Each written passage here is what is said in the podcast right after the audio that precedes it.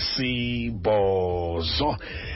Uh, samkela uthami kamshingi intatheli ezimeleyo ngoku ebhala ngale league sijonga yona i-professional league emanenekazi bekumele uba ke ukuba ikwisiqingatha sesibini okanye umlenze wesibini right kule isizini kodwa yathiwa yathwaxha ngenxa ye-lockdown. Okay ndawonye nee-cases ze-covid-19 eh baba mshengu Eh Good evening ngithanda ukukulisa abalaleli bomhlobo wenene.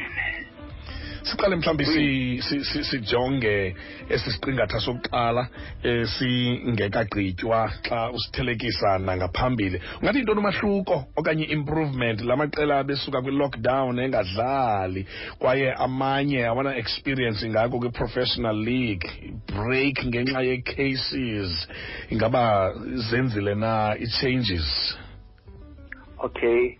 Cela nje ukucacisa nje okokuqala sisaku first round okwam. First round okwamanje ya. Mhm. yes sis- sisaphazanyiswa ila ukurayisa kwama covid cases ngasathi siku level 4 so yasuspendwa ileague for inyanga yonke. Sis- we are still on first round. Okay. Yeah. Eh ku i-break la iphazamisa amanye ama-team but it also i- inikeza i-opportunity amanye ama-team ukuthi a-improve mm. during the break. I will make nje i-example ye-durban ladies. I-durban ladies before i-break kade yenza kakuhle yona ne i-durban ladies. But uthe mesebebuya kwi-break abakawini match they draw the first match after the break and also baluza igame lade beyidlala nge-two against i-tut tshwane university of technology. But another team which is benefited kwi-break i-jvw before i-break i-jvw was not doing very very well but after i-break yona improvile bayizwine zonke iimeshi lezi abayidlalile after break. All right. Alright ya i-covid-19 izenzile kakhulu ezi disruptions zingaka nkosi yami. Nganye ixesha ke zichaphazela not abadlali kuphela ndawonye nabaxhasi begame ama-sponsors. Kodwa ke ndifuna ke ndibaleke ndikhangele nje kwi- kwi- kwi- kwi- kwigame le yamantombazana. Ayilandelwa kakhulu amaqela adlala i-professional uh, league kodwa amanye ayahlupheka. Yintoni ebangela ukuba angaxhaswa? Eh asiqale nje la amabhizinisi ala eSouth Africa awaxhasi ibhola laba laba labo lama women there's no sponsorship ku women's football at all.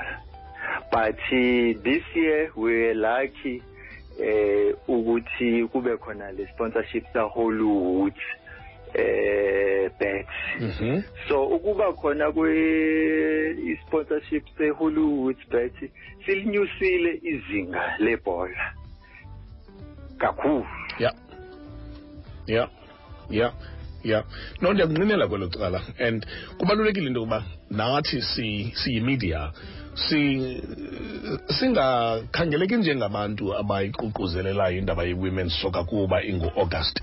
Ndiyafuna ukutsho ke ndithi apha emhlobo okokoko sizama into yokokuba i-women's soccer ifumane indawo yayo apha kwezemidlalo. And si- siyijongile loo nto leyo ngoba iyasihlupha indaba yento yokuba ibe kanti ayixhaswa kangaka. Wena yintoni kule meko injena ye-women's soccer? Yintoni ekutsalileyo ukuba ube ngumntu obhala ngesoccer yamantombazana? yabona ngizoyichaza nje mina. Mina previous season asithi nje previous season i was specializing kwi-glad africa championship. Ne? So kuthe mekuphela isizini ngathi ayi ngiyayithanda i-challenge. Ne? Angifuni nje ukuba nje ngenza into eyi-one vele usiwaziwe nje ukuthi hayi lo umuntu we-glad africa championship. Angi- ngithe this season the- at the end of the season. Ukuthi hayi ah, let me start something. Let me do a new challenge. Uh, I decided to ukucover i-women's football. But leyo decision ngaba angiyithatha angaba ngikhavi i-women's football right now. If akuwona i-support kamadoda mnomiya who's also a father of unokwazi mnomiya odlalela i-jvw and also mention ubusisiwe mkwena who's been uh, flying the flag of promoting i-women's football. Mm, mm, wow man. Wow. Wow. Okay just to say differently ke ndifuna ke ndijonge indaba yama-goals it's exciting indlela ojonga ngayo xa ujonga izitstats ngoku ingasapotwa i-women's soccer. In terms of ama-goals i- iphakamile kakhulu. Kule mpela- kule mpelaveki sisuka kuyo ngomgqibelo kudlalwe five games.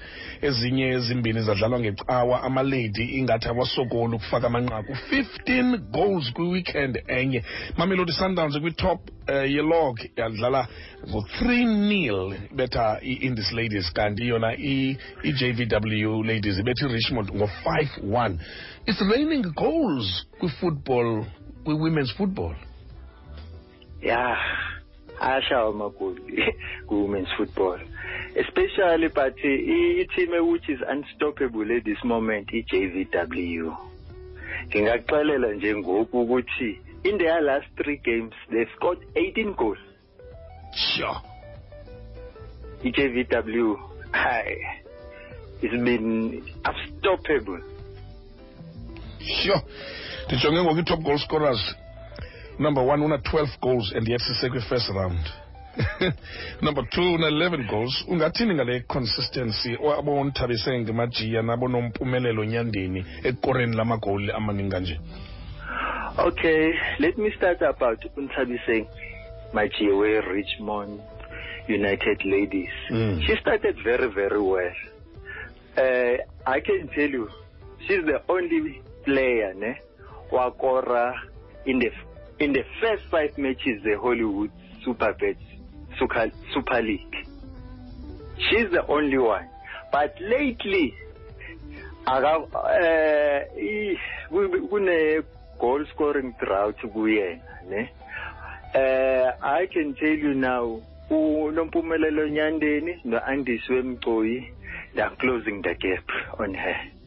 Yeah yeah well kwi-weekend esiya kuyo ke silindele six games. Mamelodi sundowns ayikho kwimidlalo yecaf. Soloko ke izilog leaders apha ekhaya ucinga uba mhlawumbi kuzawuba nzima kangakanani kwilevel yecaf for bona?